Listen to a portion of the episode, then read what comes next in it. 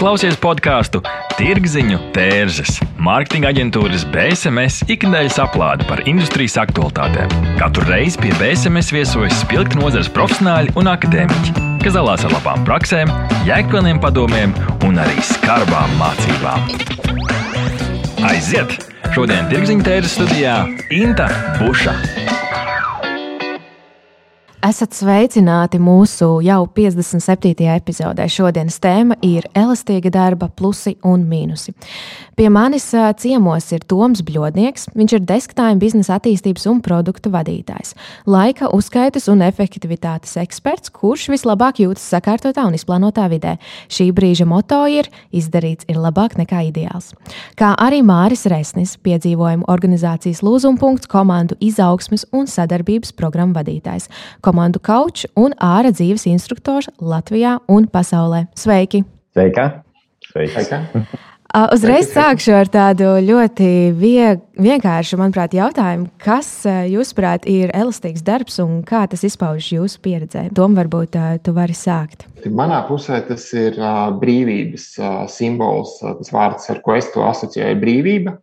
Tas, kā es to esmu izjūtis pēdējos piecus gadus, tā pavisam noteikti ir brīvība. Uh, kad man nav jāuztraucās par to, kurā brīdī man ir jābūt darbā, kad man ir uh, kaut kādas konkrētas lietas. Es to visu pats varu saplānot, tad tā ir mana brīvība, kurā, kurā es uh, veicu savus tiešos pienākumus. Uh, tā ir jebkurš arī mūsu komandā, principā, var pēc tā vadīties. Un, un tas iedod šo brīvību tev noteikt savu dienu, savu grafiku, savas, savas lietas, kad tu ko vēlies darīt.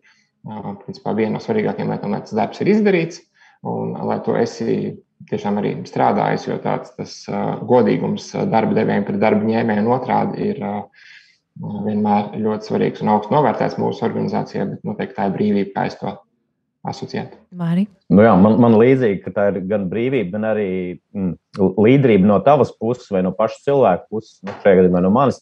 Jo, kā jau Toms minēja, kad uh, to var izvēlēties, bet tām lietām ir jābūt izdarītām. Līdz ar to tur nāk tāds mazliet arī izaugsmas moments klāt, kad ir pašdisciplīna. Un tas trakākais, kad uh, tu nedrīkst nevienu vainot, īstenībā tu pats esi vainīgs, ja kaut ko izdari vai neizdari. Un tas ir tāds baigi, nu, priekš manis arī tāds izaugsmas process vai mācīšanās. Gan, gan kā darīt darbu, gan arī baigi daudz par sevi, cik daudz kaut ko atliec, vai kur tu izdari, kas ir svarīgākais, kas ir mazsvarīgākais. Tā tas tāds kombos starp brīvību un to uh, pašdisciplīnu vai pašlīderību. Bet, Mārcis, saka, kā cilvēkiem vispār ir ar šo brīvību? Jo es skatos Norstat datus, mēs jautājām Latvijas sabiedrībai, kādi, jūsuprāt, ir ieguvumi elastīgam darba režīmam, un kopumā 64% saka, iespēja brīvi plānot uh, savu laiku, un 25% saka, brīvības sajūta. Tajā pašā laikā, kā negatīvā puse, 20% saka, pārāk liela brīvība. Kā ar, kā ar to ir? Man liekas, tas ir tā, tāpat kā metaforā, kad kādu putniņu, putnu, kanāriju putniņu, kurš dzīvojas būrī, viņam atver un saka, ka tu vari lidot. Līdz ar to cilvēki pēkšņi ir ieguvuši to iespēju manevrēt, sa salikt laiku vai, vai nu, kā saka, samanģēt Latvijas būtu saplānot laiku, bet pēkšņi viņam, nu, ā, neviens neliek neko, un tad viņam jābūt uh, tā, tā saucamā pašdisciplīna vai pašam plānot, respektīvi, tā atbildība sāk palikt vēl lielāka uz viņu. Tā viņam bija skaidrs, de, deviņos atnāca, piecos aizēja. Tur varbūt kaut ko var neizdarīt, vai kaut ko tas ir kā, nu, cits vainīgs. Tad pēkšņi viņam, nu, nē, ka tu pats vari to darīt, un tas dažiem ir, es domāju, ka kā, tur 20% varbūt pat ļoti, ļoti grūti. Jo nu, neviens tā kā nekontrolē, pašam sev jākontrolē, pašam jāpa, jāpastāsta, vai būs rezultāts ar šo uh, progresu un, un tam līdzīgi. Jā. jā, man īstenībā uzreiz tas liekas, ka varbūt tas pat nav tik daudz par brīvību, kā reizē arī par to atbildības uzņemšanos. Ka darbiniekam ir pašam jāuzņemas arī atbildība par sava darba efektivitāti, un ne visi ir gatavi to, to darīt. Jo bieži tas ir uz vadītāju pleciem, sakot līdzi, vai ne? Es skatos, Toms, piekrītoši māja ar galvu. Kā, kā tavā pieredzē šis ir par brīvību un atbildību? Jā, ļoti. Es tos uh, datus nebiju redzējis, ko tu nosauc. Un, uh, es to brīvību izmantoju kā tiešām tādu, pēc tādām sajūtām, un, un tiešām cilvēkiem tas tā arī asociējās. Un, un uh, pareizi, kā arī Mārcis teica, ka viņam tas ir to pašu izaugsmu un līderību, un viss, viss ir saistīts. Te, tieši tā arī tas ir. Arī mūsu uzņēmumā tās tieši tās pašas problēmas uh, ir, ka ir cilvēkiem, kas uh, vienkārši nevēlas vai varbūt nemāk, vai nav bijusi tā pieredze ar plānošanu un uzņemšanos šo te šīm lietām. Tāpēc um, mēs arī kā tāds uh, programmas un produkta izstrādes rīks uh, esam ieviesuši tādas jau defaultās uh, lietas, kas būtu jāzina un pēc kā vajag vadīties. Tātad mēs iedodam jau, jums vienmēr paliek šis 9 līdz 5 laiks, kurā jūs strādājat, kurā jūs esat pieejami, un, un vai mums tas varbūt ir precizēts līdz 10, no 10 līdz 4, ka mēs zinām, ka lielākoties visi ir pieejami. Un, un tajā brīdī tas kolēģis var paņemt šo laiku, viņam nekas nav jāplāno, viņš var tieši darīt tieši tos pašus darbus, kas viņam ir, vai viņš pats tos zina, vai viņam tas ir deliģēti, vai vēl kaut kā šajā laikā, un nav jāiespringst uz to. Tas tā, tā vienīgā lielā brīvība, ko es tiešām varbūt tas, tas izklausās dīvaini, bet tās piecas minūtes, kad tu vari nokavēt darbu, pēdiņās nokavēt, bet vienkārši būt 5 pār 9 darbā, šī ir tā brīvība, kas man neliek pa galvu, pa kaklu skriet, kas man neliek pie sarkanās gaismas stresot, kas jau kavēju ienākšanas laiku birojā. Tā nav. Tas, tā ir tā brīvība, kas man visvairāk pašam personīgi patīk. Es varu aizvest bērnu 20 minūtes vai pusstundu vēlāk uz dārziņu. Kādreiz aizvedu ātrāk, kādreiz vēlāk. Un, un nav tas stress par to, ka man ir jābūt kaut kādā konkrētā laikā birojā. Jā, protams, es vien neesmu pats sev ielicis jau 7.30 vai 8.00 kādu sanāksmu vai kaut ko, bet, bet globāli, jā, Bet tā jau atkal ir tava atbildība un tas, kā tu plāno laiku. Es skatos jā, par to, kā vispār cilvēkiem ir iespēja vai ir vispār iespēja strādāt uh, elastīgā darba režīmā. Un uh, ko mēs redzam, ka kopumā nu, 35% ir vai nu viens uh, veids, tātad uh, darba laika ziņā ir elastīgs, vai arī darba vieta, vai varbūt ir abi, bet uh, tomēr vairumam 39% saka, ka tas vispār nav iespējams dēļ darba profesijas specifikas un uh, 8% 5% saka, ka nē, jo darba vadītājs neļauj, 5% nē, jo negribu. Un tad 14% ir grūti pateikt, vai arī viņi nespēja atbildēt uz šo jautājumu kopumā. Tad, Jā, ja mēs turpinām runāt par ieguvumiem un vājām pusēm elastīgam darbam, tad, ja pirmā populārākā atbilde runājot par ieguvumiem ir tas, ko mēs jau apspriedām, tikko iespēja brīvi plānot savu laiku, tad otra populārākā ir līdzsvars starp darbu un privāto dzīvi. Māri, tu diezgan daudz esi dabā. Tu esi īsts cilvēks, kas runā tieši daudz par šo tēmu. Saki, cik svarīgi ir šis rādītājs 41%, kas saka, jā, man šis ir ļoti svarīgi. Es domāju, ka Tomas jau ieskicēja par, par to iespēju mazliet manervēt. Un, man liekas, tas ir tas svarīgākais, jā, kad arī, piemēram, es esmu mainījis savu dzīves ritmu, kad es, saku, no rītiem nestresoju un netrakoju. Es esmu nolēmis sākt strādāt no 11, bet tas nenozīmē, ka es guļu līdz 11. Es izēju dabā vai izdara savas lietas, kas ir savu mērķu, sapņu, kas nav saistīts ar profesionālo, kā dienas pirmajā pusē, un tad es sāku strādāt. Bet ko es redzēju kolēģiem vai, vai cilvēkiem, kam ir sevišķi ģimenes vai, vai kāda, kā, nu, arī, arī mājdzīvnieki, ja viņiem ir iespēja nomanēt manevrus, respektīvi, viņi var saplānot vai viņi kā teikt, nestresot par kaut kādām lietām, kas tehniski darbs bija apgrūtinājis pirms tam. Līdz ar to es ceru, sasniedzot mērķi vai izpildot uzdevumu, ir tas laika, laika menedžments ir mazliet savādāks. Respektīvi, ir iespēja izdarīt kaut ko, kaut vai aiziet pie zobārsta vai, vai aiziet uz kaut kādu veikalu, kur nepieciešamās lietas vai tam līdzīgi, ir nu, uh, vadīt savu dzīvi tā kā, nu, tā kā ērtāk priekš paša darbinieka un tā paša došanās dabā vai, vai ar riteni izbraukt, vai ar, uh, tie, kas skrien no rītiem, viņiem ir vieglāk atskriet, nomazgāties un tad doties uh, zūmā vai darbā. Un, Man liekas, tas ir tas svarīgākais. Tā no, to, to balansu vispār sāk. Pēdējā laikā redzēs, ka cilvēki aizvien vairāk sāk viņu ievērot. Ja pirms tam nu, nebija tas maneris, tad tagad viņi sāk ievērot un, un arī priecīgāk par dzīvi un tam līdzīgi. Jā, man dažreiz liekas interesanti, kā mēs, kurā brīdī kļuva aktuāls šis work-life balance un vai tas ir ar paudžu maiņu, vai tiešām, nu, protams, mēs saprotam, arī Covid darīja savu un tā tālāk.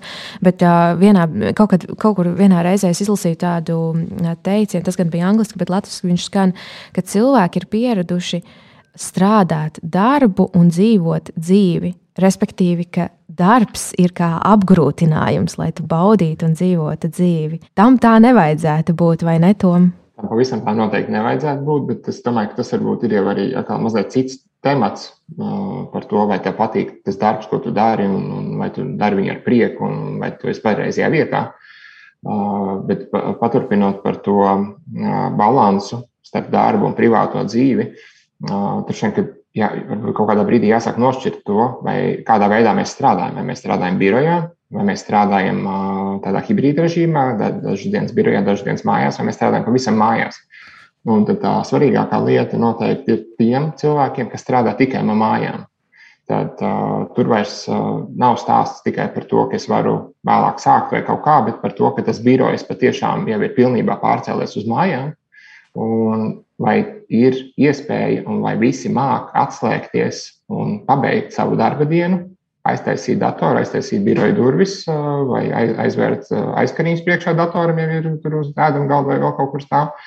Un, un beigt to darba dienu, un aizmirst, un, lai tas netraucē. Un tas, ko es zinu no tādas sev apkārt cilvēku pieredzes, ka tomēr tas ir ļoti grūti izdarāms, un tur ir ļoti vajadzīga tāda uh, psiholoģiska, mentāla pies, pies, pārbaudījums, tas tāds ir jā, piespiešanās, varbūt, lai saprastu, ka nē, nu, tas, ka man tas dators stāv blakus, nenozīmē, ka man ir jāstrādā.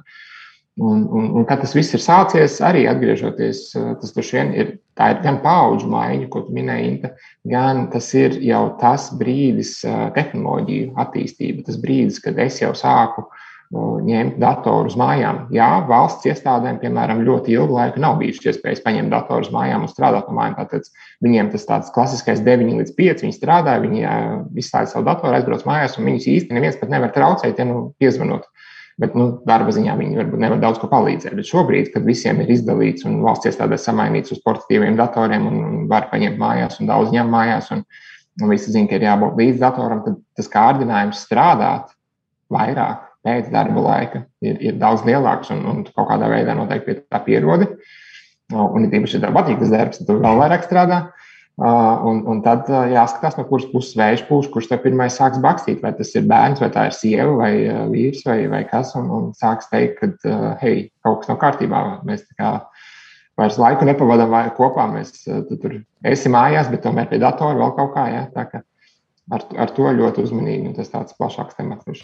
Jā, mēs principā runājam par šo balansu starp darbu un privāto dzīvi kā, kā ieguvumu no elastīga darba, bet reizē ir arī šīs, šīs vājās puses noteikti un seks, kas ir, kas ir arī jāsaprot. Ok, tad tā ir otra populārākā atbilde. 41% saka, ka tas ir tāds vērtīgs iegūms elastīga darba režīmam, un trešā populārākā atbilde runājot par iegūmiem ir dalās, tās ir divas atbildes atbildes. Mazāk laika tiek pavadīts ceļā. Tas, ko jūs jau minējāt, ka no rīta var izdarīt kaut kādas savas lietas un tad, tad ietaupīt laiku. Un otra atbilde ir jēgpilna laika izmantošana, kas savā ziņā saskan. Kā jūs komentējat šo? Jā, tur īstenībā mēs atgriežamies pie, pie tā pašdisciplīnas, vai kā tu izmanto savu laiku.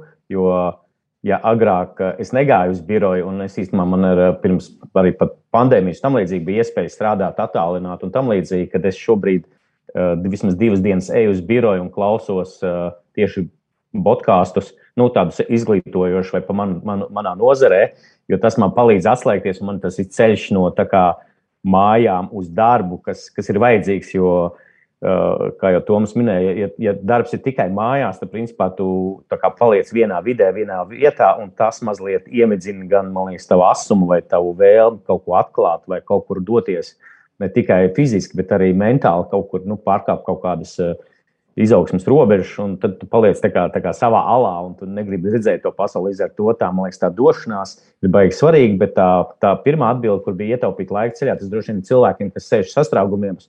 Un es arī to vienmēr nodomāju, ka eh, tas ir kaut kā ļoti dīvaini izveidojies kaut kādā gadu, daudz gadu garumā, kad uh, cilvēks sēž sastrēgumos. Jo es parasti esmu cilvēks, kas brauc ārā, darbdienas rītā ārā no Rīgas, nevis iekšā Rīgā, un es redzu tās rindas. Es domāju, kāpēc ja cilvēki nebrauc stundu vēlāk vai nestrādā divas stundas mājās un tad brauc. Man vienmēr tas jautājums, un tas pats notiek vakarā, kad es braucu iekšā Rīgā. Daudz brauc ārā, un es tik, tik žēl cilvēks, vai precīzāk viņu laiku, ko viņi varētu lietot kaut kam nu, liederīgākam, vai ko jautājums, ko viņi par radio tur klausās, bet no mašīnas, kad tu brauc, tu gluži nevari tā atslēgties, tik daudz var pieslēgties tam. Un līdz ar to es domāju, ka tas ir iegums daudziem. Un, uh, mani kolēģi arī viņiem tagad ir, viņiem varbūt grib atgriezties birojā, bet viņi negrib, piemēram, braukt to, to braucienu turp apakaļ, kas ir mīnus divas stundas nosacīt no tavas dzīves. Un, man liekas, tas ir tas lielākais iegūms. Es uh, noteikti nu, atbalstu, vai nu, vis, nu, cilvēki te vismaz tajā sastrēguma stundās nu, nezaudē to, to laiku. Man liekas, tas ir ļoti liels iegūms, ja var strādāt attālināti, man liekas. Man liekas, vispār varbūt, ja tur, tur noteikti var paskatīties tās tendences arī nekustamo īpašumu biznesā, ka, ka ir šī, šī tendence apvienot darbu, darba ēku ar privāto dzīvi, respektīvi, pieņemsim, jaunā teika kaut vai, kur ir gan šie darba ofici, gan tie pašā laikā tur ir arī tātad, īpašumu vietas, kur tu vari dzīvot. Un jā, tas arī droši vien atrisinātu to, to pārvietošanās problēmu, ka tev nav jāsēž sastrēgumos, vai ne? Bet tie pašā laikā nodala. Mēs arī redzam, ka sevišķi, kad sākās pandēmija, bija ļoti daudz runāts par šo, kā nodalīt to savu kā, darba zonu no tās tavas dzīves zonas. Kad cilvēki runā, ok, man ir kaut kāda savu stūrīti vai man ir kaut kāda savu kabinetu, kurā es varu strādāt, tad es varu aizvērt durvis un, un turpināt. Um, turpināt uh, darbu. Bet, uh, jā, ja mēs atgriežamies pie šīs tēmas par jēgpilnu laiku un uh, par, uh, par pavadīto laiku ceļā, kā uh, Tom jums ir deskatājumi, cik bieži jūs tiekties klātienē un cik bieži jūs strādājat attālināti? Nu, mēs, uh, principā, šobrīd uh, tāds oficiālais uh, veids ir, ka mēs vēlamies Un mēs piedāvājam un aicinām cilvēkus tomēr strādāt šajā hibrīda režīmā, ka mēs nākam uz biroju, vismaz pāris reizes nedēļā, ja tas ir iespējams, ja kāds nav izbraucis no savas uh, dzīvesvietas, kas ir pietiekami tuvu. Visi dzīvo Rīgai pagaidām un birojiem. Uh, un, un, un tad mēs vēlamies divas dienas nedēļā. Mēs aicinām, ka varam nākt uz biroju, strādāt birojā, tikties. Tad, tad mēs arī saplānojam kaut kādas sapulces. Uh, konkrēti par kaut kādām nodaļām ir kaut kādas konkrētākas kopā sapulces, kas tāpat vienmēr ir jāveic, bet tad viņas periodiski veik klātienē. Uh, jā, tas, tas ir tas hibrīd režīms, uz ko, uz ko mēs ejam, ko mēs redzam, ka tas strādā. Tas strādā, uh, ka mēs varam ietaupīt laiku ceļā, mēs varam uh, arī produktīvāki būt strādājot mājās, kas ir mūsu iekšējās aptaujās veikts, ka principā simtprocentīgi visi ir pateikuši, ka mājās viņi noteikti ir tādā ziņā produktīvāki, tādā darba izdarīšanas ziņā, jo birojā viņiem tomēr ir šis te kārdinājums un laika zagļi, šīs parunāšanās ar kolēģiem. Mums ir galda spēles, kuras mēs uzspēlējam atpūtas brīžos, padzeram ilgāk kafiju.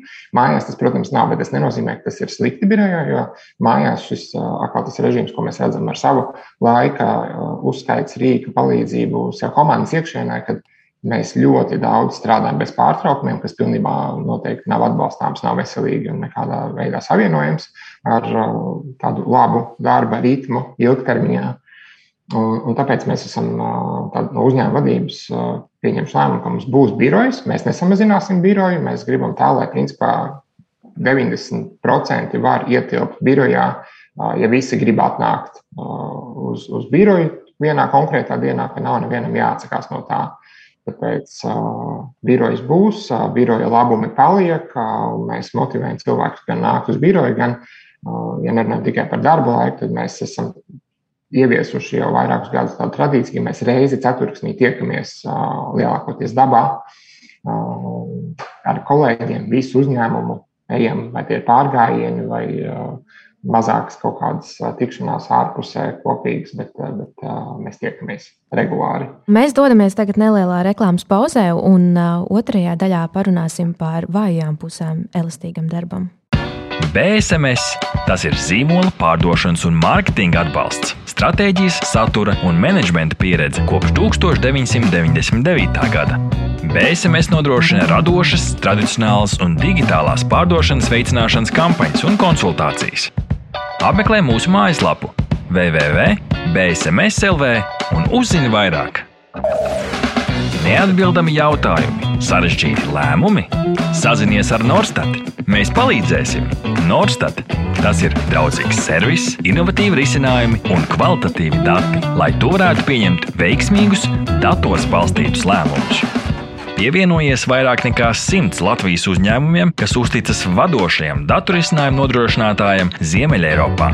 Mūsu mērķis ir atvieglot tavu dzīvi un ļaut pieņemt pareizus lēmumus. Norstat - vērtīgi dati svarīgiem lēmumiem.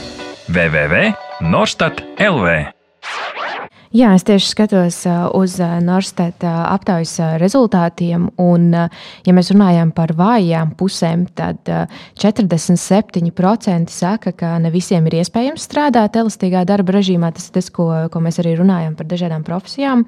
40% saka, ka kolēģi nevienmēr ir sasniedzami. Tas ir tas, ko, ko, mēs, ko mums noteikti vajag par ko parunāt. Un, manuprāt, šo mēs noteikti varam sasaistīt ar to, ko tu tikko teici kolēģi, darbinieki atnāk uz biroju, viņi spēlē galda spēles, viņi komunicē savstarpēji, bet tad, kad viņi aiziet strādāt no mājām vai kafejnīcā vai citas darba vidas, viņi ir nofokusējušies un tad viņi izdara darbu. Vai tā varētu būt tā arī jaunā realitāte, uz ko iet biroji, kad mēs respektīvi redzam biroju telpu vairāk kā vietu komunikācijai, miedarbībai un izklaidēji viena uzņēmuma ietveros? Māri, kā, kā tu redzi? Tas kļūst aktuālāk vai pierādās tagad ar attālināto. Nu, tie, kas tiešām, jo man kā laika arī sanāca, mums, manā uzņēmumā strādāt diezgan attālināti, un joprojām mēs to saglabājam, ka pazūd šīs sociālās uh, vai gluži pateikt, interakcijas vai miedarbības Latvijas būtu. Un it kā tas, protams, arī nu, kā, no vienas puses ir mīnus, vai tas traucē dažiem cilvēkiem strādāt, tāpēc, ka vai nu runāt, gribās parunāties, vai kāds nāk pie tavu galda runāt. Bet šajā gadījumā esmu arī novērojis tā empiriski, varētu teikt, ka, ja nav šie cilvēki blakus, pirmkārt, zūd tieši tie darbi, kur ir jākoordinē vai jālūdz atbalsts vai palīdzība. Respektīvi, tas notiek ilgāk un līdz ar to tu nesaņem, vai tu beigās tevi sajūti, ka tu cīnies viens. Kaut gan parasti nu, piemēram, mums ir atvērtā tipa birojas, mums nav tik liela varbūt, komanda, bet mēs pajau, tur kaut kādu lietu pajau, kurš zina šito, vai kur ir tas viesunams, kuram man vajag 20 vai 50 cilvēkiem. Simts, ah, tur bija labi. Un tā komunikācija notiek ātri, efektīvi un momentāli. Savukārt, ja ir saraksti vai zvans, vai nu, tu nezvanīsi par sīkām lietām, nu, tādām kā sīkām lietām kolēģim, ja tu, tu gaidīsi, uzrakstīs e-pastu, WhatsApp kad viņš atbildēs, kas it kā ir nosacīts labi, kad viņš varēs, bet principā tas ļoti sabremzē. Un tā trešā svarīgākā lieta, kad, nu, to, to, ko mūsu uzņēmums dara, ka mēs stiprinām šīs neformālās attiecības ar mērķi stiprināt profesionālās.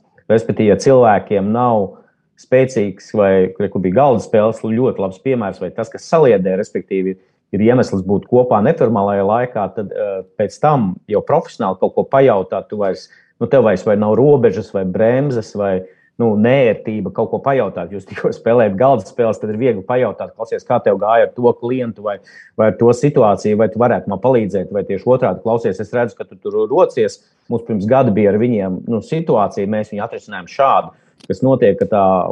Ka tā starp tiem zobratiem, kas ir darba un profesionāla vide, nu, ir kaut kāda dēļa, kas palīdz tam visam mehānismam uzreiz ieskrieties un darboties ļoti ātri, efektīvi. Un, man liekas, tas ir tas, kas pazūd uh, tajā attālinātajā darbā, vai ja nav šī hibrīda modeļa, jo mūsu uzņēmums arī pārgāja uz divas dienas, nu, kad jābūt birojā, tas nozīmē, ka tu esi sasniedzams, tad taisa prāta vētras vai kaut kāda projekta plānošana, nu, kad vajadzīga tā miedarbi. Un tad, nu, darbi sadalīt, nu, tad tu vari darīt kā gribi. Bet tas, man liekas, ir tas galvenais, ka tas neformālais, tomēr mēs tie cilvēki tādi sociāli būtni, viņi gribās to kontaktu sevišķi tie, kam ļoti vajag, vajag, lai viņi strādātu vai mācītos. Arī dažreiz tas ir saistīts ar mācību stiliem ka vajag tie, tie cilvēki vajag apkārt. Viņš nevar uh, izdarīt darbu, ja viņam nav nu, tā komanda apkārt. Citādi tieši, tie, tieši otrādi viņi uh, nevar pastrādāt, ka citi ir apkārt. Nu, tas, tas uh, tie, nu, tur jāskatās. Bet es domāju, ka tas, jā, tas mīnus ir tās tieši, kad pazūd šī saiknes, vai tad mēs pieskaramies tai emocionālajai inteligencei, kā tu spēj nu, strādāt kā komandā, bet būt viens pats. Daudziem tas ir ļoti nu, grūti pārunāt, ka viņš liekas, ka viņš viens pats cīnās pie tā datora. Un,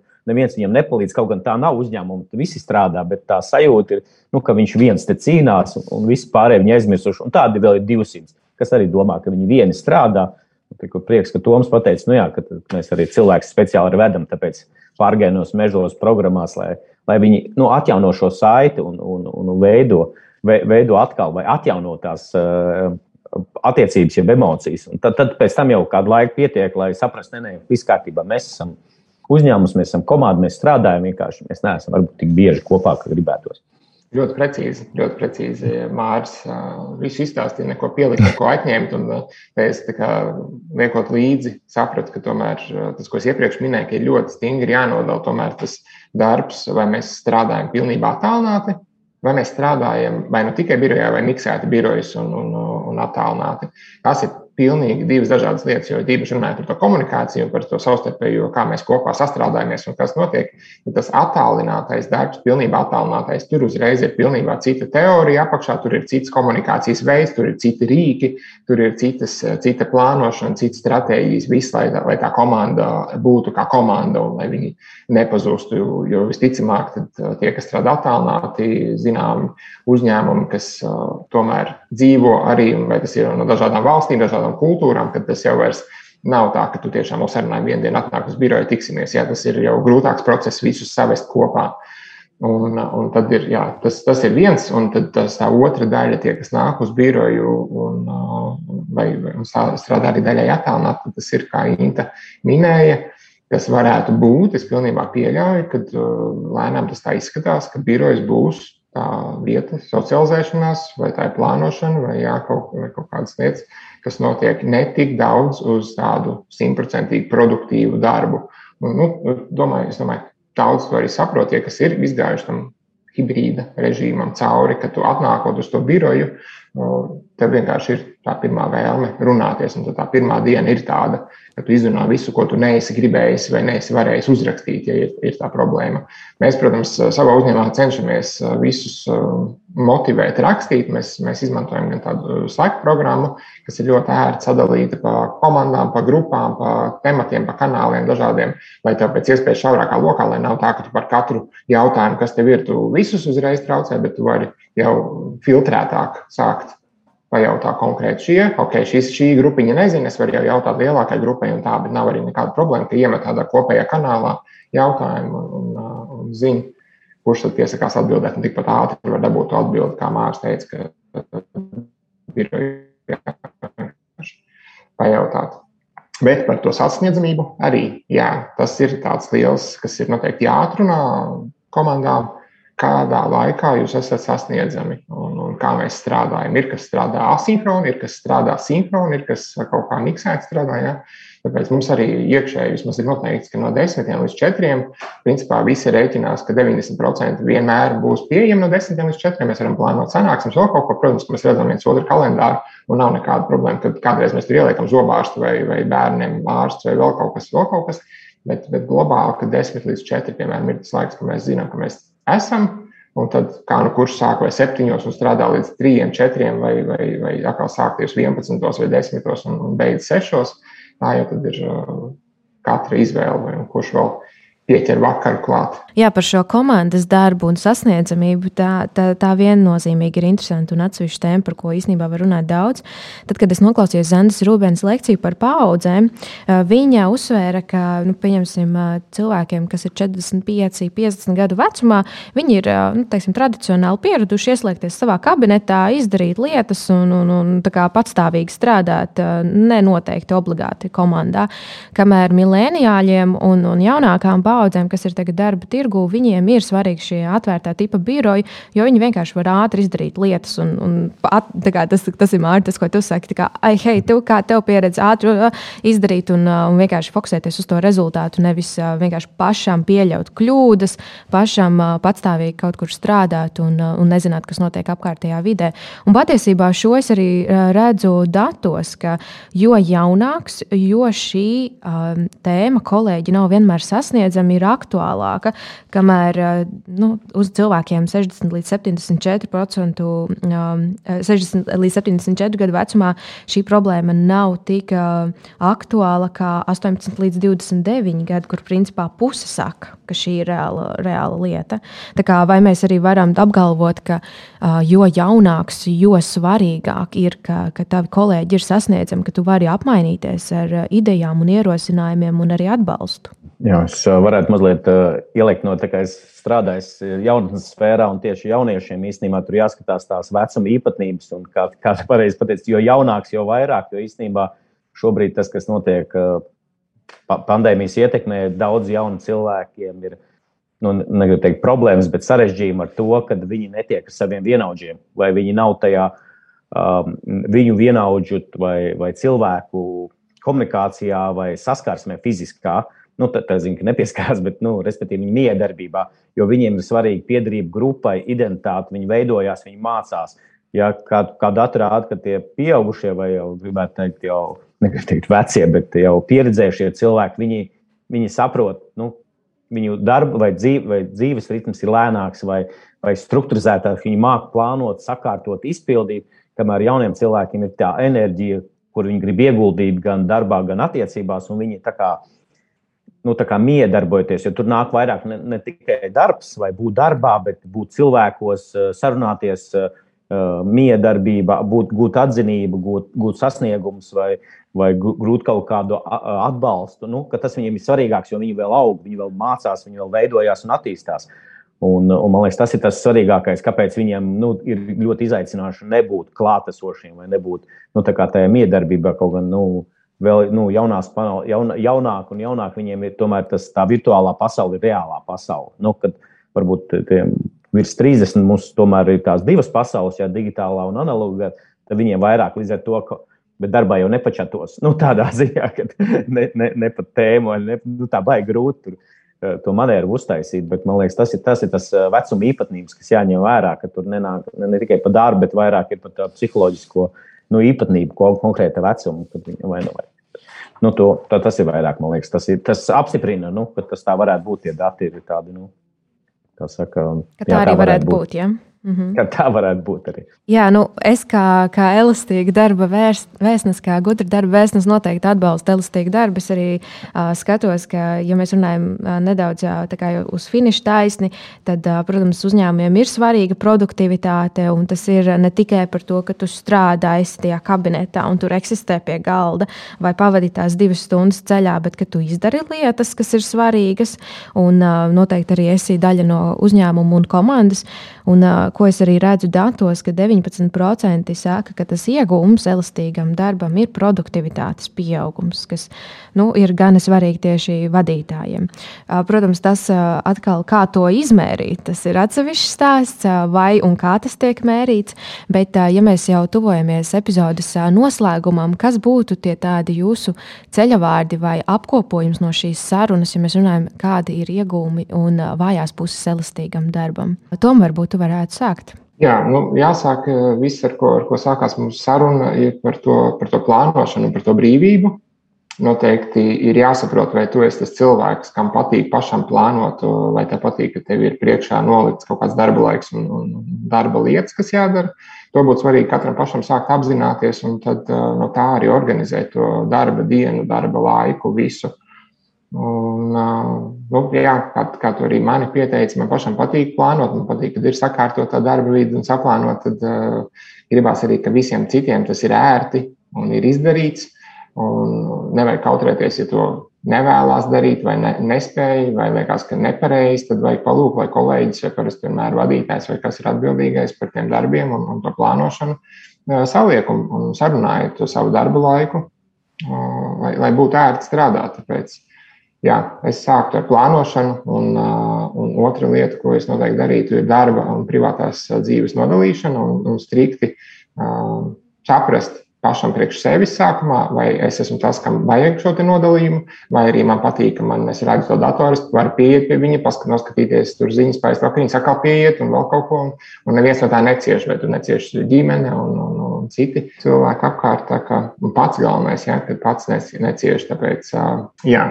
Tātad plānošana, privātās dzīves un darba līdzsvars, un, un trešā lieta droši vien ir šī produktivitāte, tevis pēdējā pieminētā, kas ir ļoti liels tāds atsevišķs stāsts. Bet, kā jau minēju, tā produktivitāte varētu būt augstāka strādājot vai nu šajā hibrīdā, vai, attāl, vai at, pilnībā attālināti, bet tas nemaz nenozīmē, ka tā ir laba un ilgtermiņa laba produktivitāte. Tas, tas var novest pie, arī pie tādām pie izdegšanas, pie kaut kādām lietām, kas kaitē tomēr gan pašam personīgi, gan uh, biznesam, kolektīvam, kurā strādā.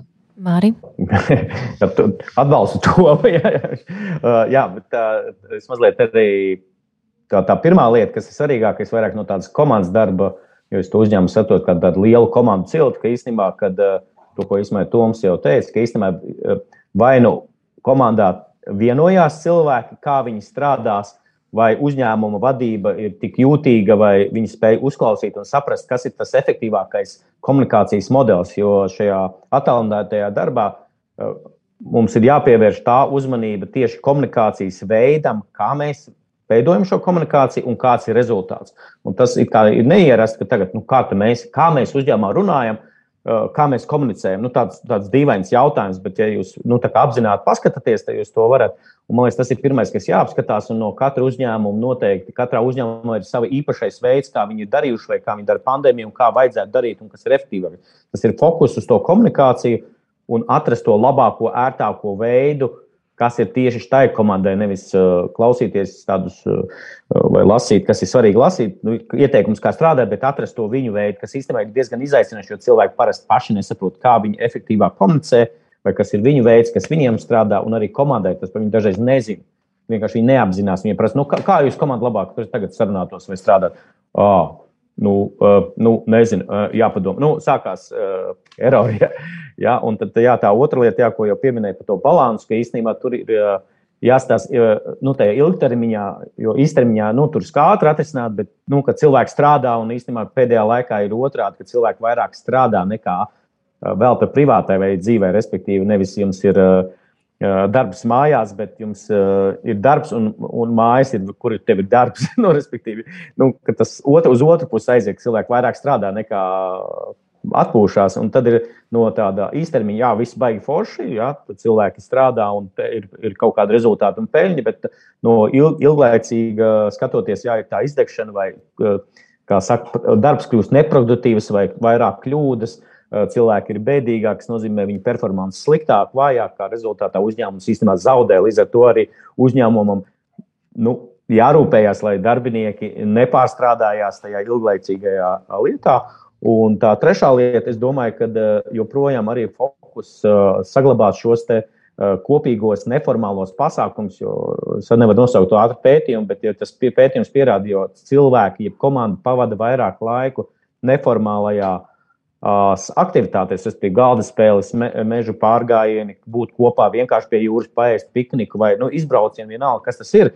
Jā, aizbraukt, peldēties kopā vai kam līdzīgi. Tas ļoti stiprina šīs attiecības arī darba vidē. Nu, respektīvi, pierādījis, ka tā produktīvi aug. Respektīvi, nedrīkst aizmirst attiecības, jo jo tad tiem cilvēkiem ir labāks kontakts, efektīvāka komunikācija, kā arī nozīmē labāks rezultāts. Un tas ir tā trešā lieta, kas saglabā to, ka nu, neaiziet tajā savā salās un tad uh, sakliekties vai ar zīmītēm sazināties.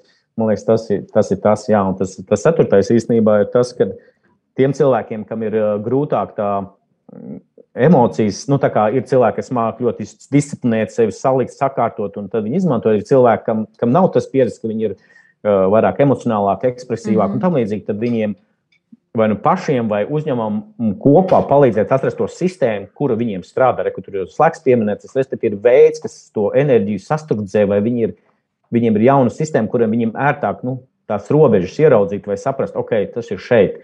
Ja, jo viņiem varbūt nav vainīgi, ka viņi ļoti emocionāli vienkārši viņiem grūti tur saņemties vai prokrastinē klasiskais lietas, bet tad viņiem ir kaut kāda veida sistēma, kas viņus nu, draudzīgi piespiež vai nokoreģē, bet nofokusē uz to, kas viņam jādara. Man liekas, tas ir tā ceturtā lieta, un tāpēc ir vairāk instrumenti. Svarīgi viņus kā, atrast īstos, efektīvākos, un tad viņus arī lietot, ja praktizēt. Jo zinām, ka sākumā nu, tur visiem nepatīk, kad ievieš jaunu sistēmu. Es arī ievietu no, no svarīgi kādu nu, klientu.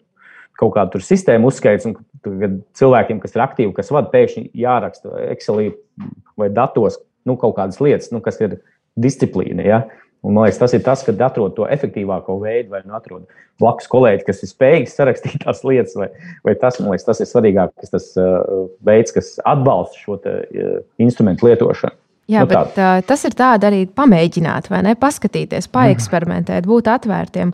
Un uh, nobeigumā, nu, es teiktu, no manas puses, es laikam veltīšu uh, savu īso monologu tiem astoņiem procentiem darba vadītāji, kas nemaz neļauj šādu iespēju. Un uh, teiktu, ka paskatīties, kā to varētu ieviest, pamēģināt, paskatīties, kā būs. Varbūt būs daudz labāk. Uh, noteikti nespriest pēc sevis negatīvi. Esmu dzirdējusi arī stāstus, kur uh, darbiniekam neļauj, tāpēc, ka darba vadītājs saka, nu, tu jau droši vien tur iesi mazgāt drēbes, es tā vismaz darītu, jo man, ir, man tāda iespēja ir. Tā kā uzticēties arī noteikti saviem darbiniekiem un vienkārši pamēģināt un paskatīties, kas no tā viss iznāk ārā. Pie manis šodien bija Toms Bļodnieks, desktop biznesa attīstības un produktu vadītājs, laika uzskaitas un efektivitātes eksperts, kurš vislabāk jūtas sakārtotā un izplānotā vidē. Šī brīža moto ir izdarīts, ir labāk nekā ideāls. Man ļoti patīk Toms, tās moto. Un uh, Māris Resnis piedzīvojumu organizācijas lūzumpunkts, komandu izaugsmas un sadarbības programmu vadītājs, komandu kauču un ārā dzīves instruktors gan Latvijā, gan pasaulē. Lielas jums paldies! Paldies, ka klausījāties BSMS podkāstu Tirziņu tērzes. Aplādi ar labām praktiskām, jēgpilniem padomiem un skarbām mācībām. Patika epizode? Dalies sociālajos medijos, ir idejas tēmām vai viesiem? Raksti mums! Tās bija Tirziņa tērzes. Tiekamies nākamnedēļ!